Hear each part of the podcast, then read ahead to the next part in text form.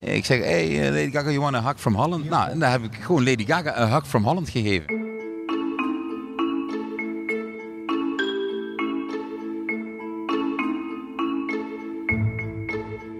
Welkom bij Den Haag Centraal, de podcast over jou en mijn Kamerleden. Ik ben Jeroen Stans. Je hoorde hem al even, deze week ben ik aan de wandel met een Kamerlid dat Lady Gaga in de armen neemt. Maar ook de handschut van de paus. Maar ook jij kan vaak bij hem aanschuiven. Want dit is het verhaal van Martijn van Helvert, Kamerlid voor het CDA.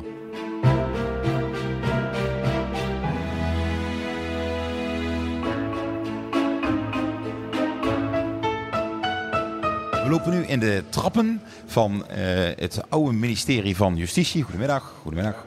En mensen hier de trap op, wij gaan de trap af. Ja, wij gaan de trap af, dus het is lekker, lekker vol hier. En uh, dat ja, het zijn eigenlijk van die oude mooie, het lijkt wel kloostergangen haast, zou ik zeggen. Uh, en die galmen dus heerlijk. Dus, uh, en jij bent Martijn van Helvert. Zeg ik je of u? Nou, wat, wat heb je liever? Uh... Zullen we gewoon je doen? Ga, gaan we voor, voor, voor, de je? dan gaan, we, ja, dan gaan we meteen bij het vaste ritueel komen. Dan moet ja. ik even je microfoon overnemen, ja. want we komen bij een poortje uit. Nee, dat klopt ja. Dan, dus, dan zie ik je aan de andere kant van de poort. Dan gaan we staan. Ja.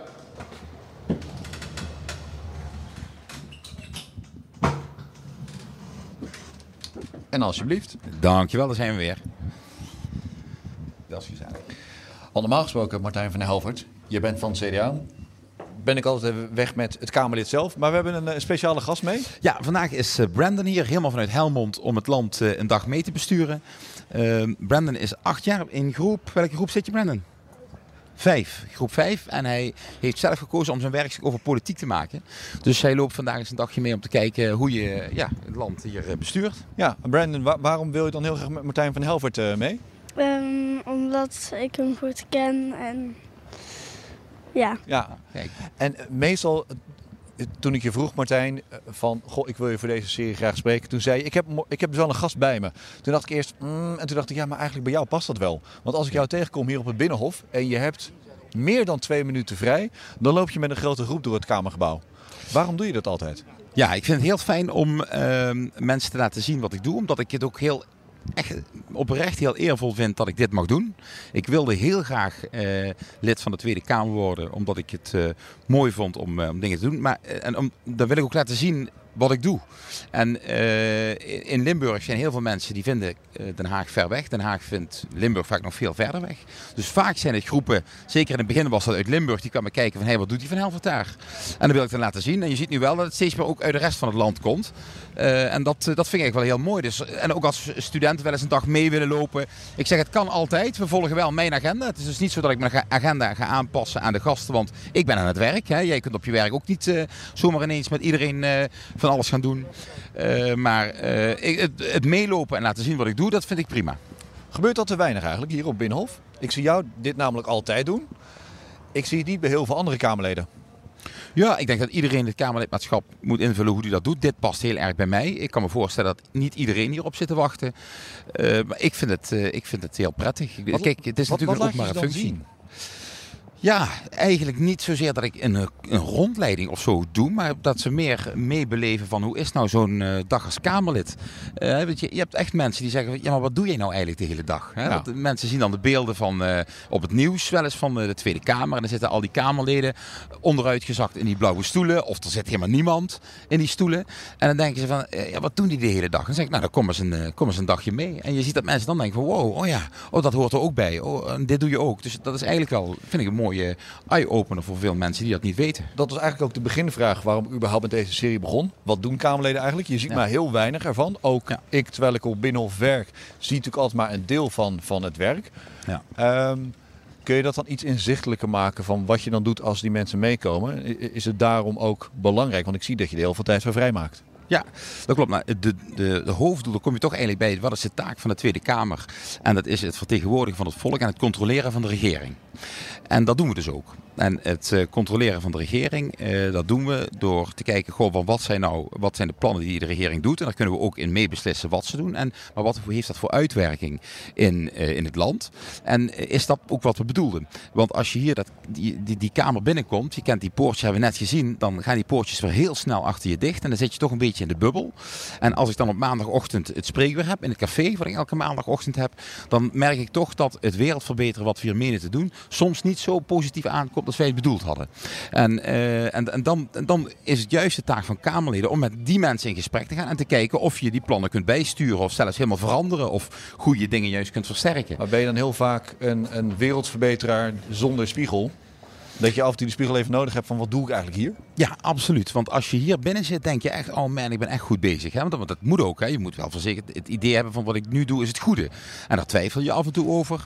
En daarom kun je op verschillende manieren kun je wel om feedback vragen van, eh, vind ik dit goed? En dat wil niet zeggen dat je uh, bij iedereen die zegt, ik vind het anders, dat je ook gelijk doet. Want je hebt je eigen ideaal wat je wilt bereiken. Maar ik vind het wel goed om constant feedback te vragen. En dat doe ik via het spreekuur in het café elke week. Dat doe ik via het spreekuur op uh, Facebook en Instagram live elke dinsdagavond. En dat doe je ook door heel veel mensen te ontvangen of op, op bezoek te gaan bij mensen en bedrijven. Je stipt het zelf al even aan. Op maandag zit je in Sittard in een café. Ja, goedemorgen, zo begint mijn uh, spreekuur vandaag. Elke maandagochtend van 10 tot 12 heb ik spreekuur in uh, Café Eigenwijs. En ik begin vandaag met een Skype-gesprekje om half tien. Spreekuur begint om 10 uur hier live met de koffie. Uh, eerste koffie heb ik wel al, cappuccino zelfs. En eerst even skypen. Ja. Op dinsdagavond zit je op Facebook en op Instagram hou je een spreekuur. Ja. Waarom? Ja, uiteindelijk zit ik hier niet uh, voor dat, dat, ik, dat ik dingen voor mezelf hier wil, wil en zit te regelen. Ik zit hier omdat ik gekozen ben op voorkeur door allemaal mensen die zeggen: Ik vind dat Martijn onze belangen daar moet verdedigen en ons moet vertegenwoordigen. En als ik niet de moeite neem om elke week ook in gesprek te blijven met die mensen, ja, wat doe ik hier dan? Zo zou ik het eigenlijk uh, om willen draaien. Maar ik, ik, ik zie het jou op een andere manier dan invullen dan heel veel andere Kamerleden. Ik, ik, het kan aan mij liggen, maar ik ken geen andere Kamerleden die zelf spreekuren houden. In verkiezingstijd is dat dan opeens populair. Ja. Uh, maar je bent heel open ook op social me sociale media, wat je allemaal doet. Ja. Weet je van andere collega-Kamerleden eigenlijk die dit ook doen? Dus dit soort spreekuren houden? Ik heb het niet specifiek gevraagd, maar ik weet het van niemand. Ik weet niet dat iemand dat ook, elke week doet. Uh, ik vind het eigenlijk heel fijn. Ik vind het ook mooi. Ik zou haast zeggen het mooiste moment van de week. Want daar kom je van uh, echt van alles uh, kom je daar tegen en te horen. En dat vind, ik vind dat zelf heel prettig. Maar ook daar geldt weer, iedereen moet het op zijn manier doen. en ik doe dit en anderen doen andere weer hele mooie dingen die ik weer niet doe. Dus kijk, we zijn ook een beetje complementair aan elkaar in die kamer. Er zitten allemaal soorten mensen in die Kamer. Het zijn net mensen, die politici. En uh, die vertegenwoordigen het hele volk in Nederland. Nou, en, uh, dus je zit, er ook, zit er ook van alles. Dus als we allemaal hetzelfde zouden doen, dat zou ook weer niet goed zijn. Nee, maar uiteindelijk doe je wel allemaal hetzelfde. Je bent namelijk Kamerlid, dus je controleert... Ja, ja dat doen we wel allemaal. Het kabinet. Dat is onze job. Maar, Daarvoor maar, zijn we ingehuurd. Maar, komen die bezoekers dan op, uh, op bezoek bij zijn majesteit, excellentie uh, Martijn van Helvert in, ja. in Limburg? Ja, ja, dan moeten ze hun aanvraag in drievoud eerst van tevoren opsturen. Nee, helemaal niet. Je mag, je mag voor mij gerust een afspraak maken, maar tussen 10 en 12, maar het hoeft niet. En de meeste mensen doen dat ook niet. Sommigen zeggen wel eens, hey, ik kom maandag langs. Zeg ik, nou, dat is prima. En dan komen er meer. Ik zit dan gewoon in het café, heel laagdrempelig, aan een tafeltje. Ik heb lekker al een cappuccino besteld, meestal als ik een kwart voor tien daar zit. En dan komen mensen en zeggen, wat wil je drinken? En als er nog iemand binnenkomt, zeg ik, ga alvast even daar zitten, pak alvast een kop koffie. Nou, dat gaat dan heel ontspannen. En dan spreken we soms een kwartiertje als we tijd hebben, een half uur. En als er een vervolgactie uit moet komen, dan gaan we ermee aan de slag. En soms is een gesprek er overal genoeg. Dat ligt echt aan het onderwerp en aan de persoon. Verbaast het mensen dan dat je daar ook echt de tijd voor neemt? Ja, dat verbaast mensen wel. Ja. Maar over het algemeen vinden, vinden ze het wel fijn. Maar ze denken, oh, kan dat? En uh, ja, je hebt toch ook nog mensen die denken, wow, een Kamerlid, dat is wel, uh, ja, dat is wel een heel, heel belangrijk iemand. Hè? En dat is, de functie is ook heel belangrijk. Maar de persoon, Martijn, die moet net als uh, u en ik en allemaal gewoon poepen en plassen. En we eten s'morgens een boterham. En dus de functie is heel belangrijk die ik mag bekleden. Maar de persoon erachter, dat ben ik gewoon. En die kun je gewoon aanspreken. En hoe ik alles wat ik hoor in zo'n spreekuur vertaal via mijn functie naar het controleren of het doen van voorstellen. Ja, dat is aan mij en dat kan ik, omdat ik die functie nu heb, doen. En dat kon ik toen ik die functie nog niet had, minder doen. Wist je dat je dit ook al allemaal wilde doen als je eenmaal Kamerlid zou zijn, nog ver voordat je het werd? Ik wilde dat al heel lang, want ik werd in 1998 werd ik, uh, raadslid. Toen was ik 19 jaar. Uh, en nou, toen in mijn, studie, ja, toen had, in mijn studietijd had ik best nog wel, maakte ik veel tijd vrij, laat ik het zo zeggen, voor het volksvertegenwoordiging. Maar op een gegeven moment kreeg ik een, baan en dan wordt het steeds lastiger, want dan moet je het raadslid zijn en later statenlid, werd ik. Dat doe je altijd naast je baan en dat moet je combineren met thuis, dus dat is altijd een beetje knokken. Maar wil, Eh, wil, om wil, de je ook, niet- gewoon even student zijn? En gewoon dingen van de Ja, maar wereld dat hebben we ook gedaan. Nee, ja? maar dat hebben we ook gedaan. Maak je geen zorgen. Nee, nee, ik ben niks tekort gekomen. Nee, dat is allemaal goed gekomen. Maar toen dacht ik wel, als ik ooit een keer in de mogelijkheid ben om dit fulltime te mogen doen, als de kiezer mij dat gunt, eh, en dat is nu gebeurd, dan, dan, dan ga ik dat wel doen. Dus en meteen toen ik het werd, heb ik gezegd spreekuur op maandagochtend. Want dat is voor mij, want ik ben qua plannen nooit zo heel goed. Dus ik zeg een vast moment op een vaste plek. Want mensen zeggen ook wel eens, kom je het spreekuur ook eens hier doen? Ik zeg nee, we doen het op de maandagochtend tussen 10 en 12 in dat café. Want anders dan gaat het mis en dat moeten we niet doen. Dan wilde je dit dus al van heel kleins af aan? Op je 19e raadslid. Ja. Ik zei dat wilde je niet student zijn, maar hoeveel mensen van 19 ken je die heel graag de politiek in willen? Die, die dan ook al raadslid willen zijn? Ja, nee, dat klopt. Dat is zeker, en zeker toen, nu zie je het wel meer komen hoor. Maar toen was dat wel, eh, wel bijzonder. En dat vond ik ook heel leuk. Dus dat, is, eh, dat, dat, wa- dat was ook bijzonder. Eh, maar dat kwam eigenlijk doordat. Ja, dat is altijd een directe aanleiding en een dieperliggende oorzaak. Niks komt vanzelf. Maar de directe aanleiding was een autosnelweg die werd aangelegd vanuit de A2. Misschien kom je er wel eens langs als je naar het zuiden rijdt op vakantie. Langs de A2 bij, eh, bij Born in Netkar. Netkar Ja. ligt daar. Nou, dat zie je daar liggen. Daar eh, werd een autosnelweg aangelegd van, van die A2 richting het Roergebied. En die moest dan komen eh, langs of door het dorpje waar ik met mijn ouders toen nog woonde. Dat zou ten zuiden van Nieuwstel of ten noorden van Nieuwstel of midden er doorheen. En nou, dus ik dacht van hoe gaat dat gebeuren? En komt die ambulance straks nog langs? En hoe is het met de leefbaarheid? En nou, dat soort dingen, dat soort vragen. En toen ben ik naar de lokale eh, van het CDA gestapt. Die kwam ik tegen toen ik de harmonie aan het aanmoedigen was op het mu- Wereldmuziekconcours in Kerkrade. En toen zei ik, hoe zit het met die autosnelweg? Ja, ja, ja, dat weet ik ook niet precies. Hij zei, ik woon in Roosteren, dat is weer een paar dorpen verder. Ik zei, hij zegt, maar dan doe je toch mee? Nou, toen heb ik gezegd, dan wil ik meedoen en dan wil ik wel ook erin. En toen zei hij van, hey, rustig van Helvert, begin nou eens eerst op die lijst. Nou, toen kwam ik op een onverkiesbare plek en toen ben ik gewoon aan gaan bellen. En gezegd, ik wil in de raad, want hier Je bent toen, toen je tiener was al campagne gaan voeren voor jezelf. Ja, gi- gigantisch, ja. en zo ja, ben je de raad ingekomen. Ja, ja, ja, ja, ja, ja, dat klopt, ja. ja het dat het moest waar. er zo gebeuren gewoon. Je, je moest die raad in. Ja, zeker. Dat, eh, ik wilde dat per se. En eh, ik vind het eigenlijk ook wel heel mooi dat je gewoon op voorkeur eh, gekozen wordt. Dat vind ik wel, wel super mooi. Vroeger zeiden ze bij me thuis, wat, wat in de kop zit, zit niet in de kont. Dus zeg maar, dat, Ja. dat werkt bij jou. Van als je iets wil, dan moet en zal het Dan moet ook je gaan dan- gebeuren. nou, nou ja, goed. Ik ben wel. Ik denk als ik het wil, dan weet ik wel dat ik het wil. En ik moet zeggen, de eerste keer toen ik in 2014 dus halverwege in mocht sluiten, was de eerste keer ook dat ik niet op voorkeur een keer ergens gekozen werd als volksvertegenwoordiger. En daar baalde ik ook gigantisch van. Hè. Toen was de kiesdrempel in de Kamer is, was, was toen iets van 16.000 en ik had eh, net geen 14.000 stemmen. Dus ik baalde gigantisch. En toen dacht ik, dit gebeurt me niet nog een keer. En nou zit ik ook lekker op voorkeur erin. Dat voelt toch een stuk beter. Ja, ik heb even niet gekeken. Hoeveel voorkeurstemmen heb je gehad? Nu 19.000. Dus dat, is, eh, nou, dat vond ik zelf ik vond dat heel fijn. En, eh, nou, dat, en dat maakt ook dat ik de intrinsieke ver- ver- ja, verplichting, dat klinkt zo negatief, maar de intrinsieke aandrang voel om met de mensen ook wel enorm in gesprek te zijn. Omdat ik wil horen van, hey, jullie hebben mij daar neergezet, geef me feedback.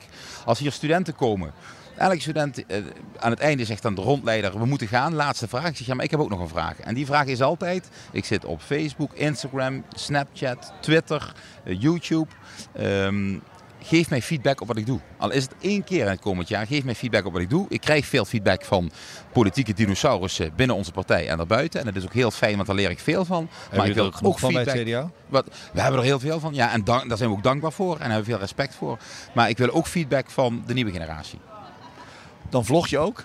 Daar had je ook nog even tijd voor bedacht. Beste mensen, van harte welkom.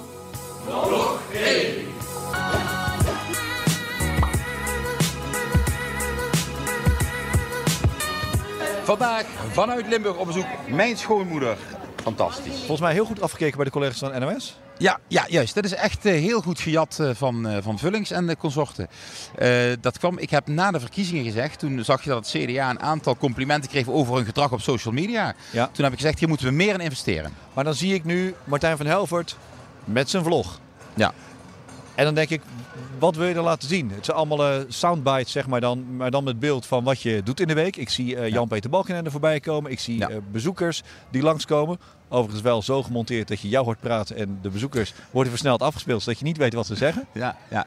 Eh, dat is inderdaad eens gebeurd. Als het verhaal te lang is, dan eh, wordt het, eh, moeten we het echt inkorten. Maar wat je dus ziet is bijvoorbeeld, laatst hadden een, een- mensen van een woningbouwcorporatie die kwamen langs en die gaven het beeld van verduurzaming is, is noodzakelijk. Nou, daar ga ik ook mee aan de slag samen met onze woordvoerder woningbouw. En je ziet de week daarna in mijn vlog terugkomen dat ik gewoon het eigen huis isoleer. Snap je? Dus je ziet wel wat de in, wat mensen inbrengen, daar gaan we wel wat mee doen. Maar waarom dan nog een vlog erbij. Ik zou op een gegeven moment ook kunnen gaan denken, als je ook daar nog tijd voor hebt, hoe doe je dan je kamerwerk? Want zo'n vlog maken kost ook gewoon heel veel tijd. En Ja. het- het- je zou kunnen zeggen, het is allemaal heel populair. Maar is dat ook wat een Kamerlid dan moet doen? Ja, nee, het moet helemaal niet. Eh, dus, eh, maar wat, eh, wat ik heb, ik, ik zei net, ehm, na de verkiezing heb ik gezegd, we moeten meer investeren in social media. We hebben dus nu een meneer aangenomen die ons helpt bij dit soort vlogs. Eh, en hij is pas begonnen en ik heb gelijk gezegd, ik wil de eerste zijn. En het enige wat ik moet doen, is als ik ergens ben, moet ik zorgen dat er bewegend beeld is. Dat stuur ik naar hem op en hij komt op de donderdagmiddag met een voorstel hoe de vlog uit zou kunnen zien. Dus de, qua tijdsinvestering valt dat eh, gigantisch mee. Ja. Je neemt het heel letterlijk, volksvertegenwoordiger. Ja, nou, dat is ook zo. Ja, Ja. Dus, eh, ja. Toen je de Kamer inkwam, toen begon je met infrastructuur. Ja. Eh, dan mocht je je helemaal uitleven op het spoor. Eh, daar was toen heel veel om te doen met staatssecretaris Mansveld, die uiteindelijk moest aftreden. Je Ja. had alle vrijheid die, je, eh, die je eigenlijk had in Ja. de oppositie. Nu ga je als buitenlandwoordvoerder over iets heel anders, maar vooral Ja. ook in een coalitie. Ja. Is jouw speelruimte dan enorm veel kleiner geworden? Dat valt mij eigenlijk wel mee, want ik kwam natuurlijk in Limburg, was ik coalitieleider in Provinciale Staten. En ik vind dat, ik denk, terugkijkend gaf ik denk ik minder ruimte destijds dan wat ik nu krijg.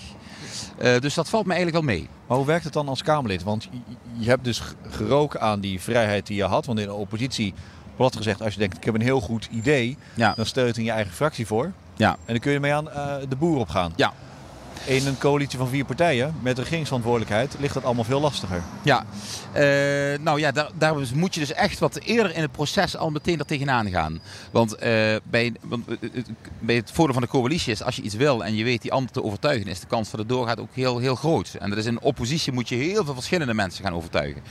Dus als je bij het maken van het regeerakkoord goed voor aan tafel zit, dan kun je dus in de loop van die vier jaar heel veel van je plannen ook mm, relatief makkelijk uitvoeren. En bij, ik zat toen aan de eh, tafel voor eh, infrastructuur nog en daar hebben we echt gezegd, eh, ook, ik had toen het plan Lekker Doorrijden ooit gepresenteerd. En het begon met, daar zal meer geld bij moeten, want we kunnen niet voor een dubbeltje op de eerste rij zitten. Nou, dat heet ook gewoon lekker doorrijden. dat hele lekker, ja, dat, heette, dat, Ja. dat was een goed plan. Of dat is een goed plan. Eh, nou, en daar, eh, dus daar hebben we ook echt nou geld erbij. Kan altijd meer, moet altijd meer, maar dat is wel, dat is wel een punt. En dan kun je dus ook wel meer doen nu vanuit die coalitie. En het is natuurlijk jammer dat ik nog niet meer op infra zit. Maar ja, buitenlandse zaken is natuurlijk ook heel mooi. Had je dat dan graag willen blijven doen? Omdat je het jammer vindt dat je er vanaf bent gehaald? Ja, na, het, na zo'n verkiezing krijg je altijd met een nieuwe fractiesecretaris zo'n biechtgesprek. Eh, en dan, eh, ja, want die secretaris moet toch een beetje die taken gaan verdelen. En in dat biechtgesprek kun je zeggen, wat wil je nou en wat, wat kun je? En, nou, en in zo'n biechtgesprek zeg ik natuurlijk allereerst, nou meneer de secretaris, ik ben natuurlijk nederig dienaar in de wijngaard van de heer. Dus zet me meneer waar u wenst. Maar nu u toch, nou, nu u toch vraagt Maar, mij... is, is het, zeg je dat echt of maak je daar nu een grapje? Nee, ik heb van. het wel voor de gein echt gezegd, maar ze weten wel dat het natuurlijk niet zo is. Dat ik ook wel graag wat wil. En ik heb gezegd, nou, ik wil echt best graag eh, infrastructuur blijven doen. Want ik zit ongeveer het langst in die commissie. Eh, en ik heb daar een goed netwerk. Maar ik was inmiddels wel ook al op mijn persoonlijke aanvraag eh, woordvoerder ehm, geloofsvervolging. En dat vond ik, vind ik ook heel belangrijk. Het is van een hele andere dimensie dan infra, maar wel ook heel belangrijk. Maar toen zei ik, maar, maar neem mij dat stukje geloofsvervolging niet af. Ik zou jammer vinden als ik daar nu ineens niks meer over mag zeggen. Ja, en toen ging. En, en geloofsvervolging is onder mensenrechten en VN, dat valt allemaal onder buitenlandse zaken. En Knops was eh, onze eerste woordvoerder buitenlandse zaken. En die was toen ineens weg. En zo schiet je van. eh, ja, tweede woordvoerder ineens naar eerste Maar, maar, maar woordvoerder. doe je dan nu wat je het liefste wil, of waarvan je denkt, hier ben ik het beste in? Of is dit een hele nieuwe wereld die je volledig eigen moet maken? Ik, ehm, ja, nou, het ligt niet zo zwart-wit dat ik het een leuker vind dan het ander. Het is wel heel anders, maar ik, ik vind het natuurlijk wel razend interessant. Ik bedoel, eh, ik, ik ben docent geschiedenis geweest, dus de wereldorde, geopolitiek, dat soort dingen, dat vind ik allemaal razend interessant. En vind ik ook prachtig om me mee te bemoeien. Het is wel heel anders als het om infra gaat. Daar kun je wel natuurlijk wat directer sturen, ondanks dat veel mensen het nog allemaal te lang vinden duren. Maar als je zegt, ik wil die A2 daar verbreed hebben, dan geef ik dat geld aan uit. Dan kan over drie jaar de schop in de grond bij wijze van Ja, spreken. maar voor, voor volksvertegenwoordiger puur zang zoals jij bent, en dus juist het contact met die, met die Ja. stemmer, met die kiezer eh, houden, dan, dan kun je daar toch veel meer je ei kwijt dan bij buitenlandse zaken? Eh, nou ja, het is, eh, je moet wel, nou, dat, je kunt op lange termijn kun je natuurlijk wel, ben je wel met wat, nog wat grotere dingen bezig dan de infrastructuur in Nederland. Dus het kan, het is om, wat, misschien wat andere ehm, schaal, of hoe zal ik het zeggen, en ook op, qua ander tijdsbestek en over dingen waar je niet helemaal over gaat. Kijk, als Nederland een A2 wil verbreden, dan verbreden ze die. Maar wij kunnen wel van alles proberen te duwen en te masseren rondom de, rondom de Rohingya in Myanmar. Maar uiteindelijk gaan we er niet over.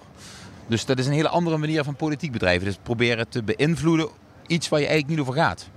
Als we nu zo naar binnen lopen weer. Ja, Er zijn nog heel veel verhalen die, nou ik niet zeggen heel veel verhalen die de ronde doen over jou, maar hele leuke weetjes. oh, oh jee, nou wordt het heel eng. nou, ooit, als we hier naar binnen gaan Ja. weer, eh, was jij in New York? Ja, Toen was het ergens op eh, Times Square. ja, nee, ja nee, het was niet Times Square, was meer eh, Je weet waar ik heen- downtown. waar- waar naartoe ga? Ja, ik weet waar je naartoe gaat, ja. Wil je hem zelf inkoppen? Ja, dat was echt. We waren toen met een delegatie. ehm, Gaat dit passen, denk je? wacht, het- ja, we moeten eerst weer. Brandon eerst gaat, dan gaan we, Ja, we gaan gaan we samen, in, in de Ja, oh, dit is knus. Ja, dit is heel knus. Maar het past wel. Ja. Nee, we waren met een eh, delegatie om de VN, eh, de permanente vertegenwoordiger van Nederland, bij de Verenigde Naties te bezoeken. En s s'avonds had ik toen, eh, oh ja, dat hoeft niet. S'avonds had ik toen afgesproken eh, met een vriend van mij die ook toevallig voor zijn werk in New York was. Ik zeg, oh, dan kunnen we elkaar daar even treffen en dan eten we daar wat. Nou, en na dat di- diner liep ik gewoon netjes naar. na de diner liep ik netjes naar de hotelkamer. En toen werd ik door de politie. En dan kan ik niet, u moet in dat vak het staan. There, on, on, mm, on that side. Keep there, keep there. Nou, hek. Ik stond ineens in een hek. Met mensen met een bandje. En ik zeg, wat is hier aan de hand? Ja, en eh, toen zou Lady Gaga ineens verschijnen. So we just thought, you know, since we were sticking around a little while to say goodbye to people, that we'd just sing a couple songs from up here. Who knew that there was a roof up here at the bitter end? en ze was het ook voor het café waar zij ooit als serveerster was begonnen, waar ik dus toevallig langs liep, eh, gaf ze ineens zo'n gratis straatconcertje.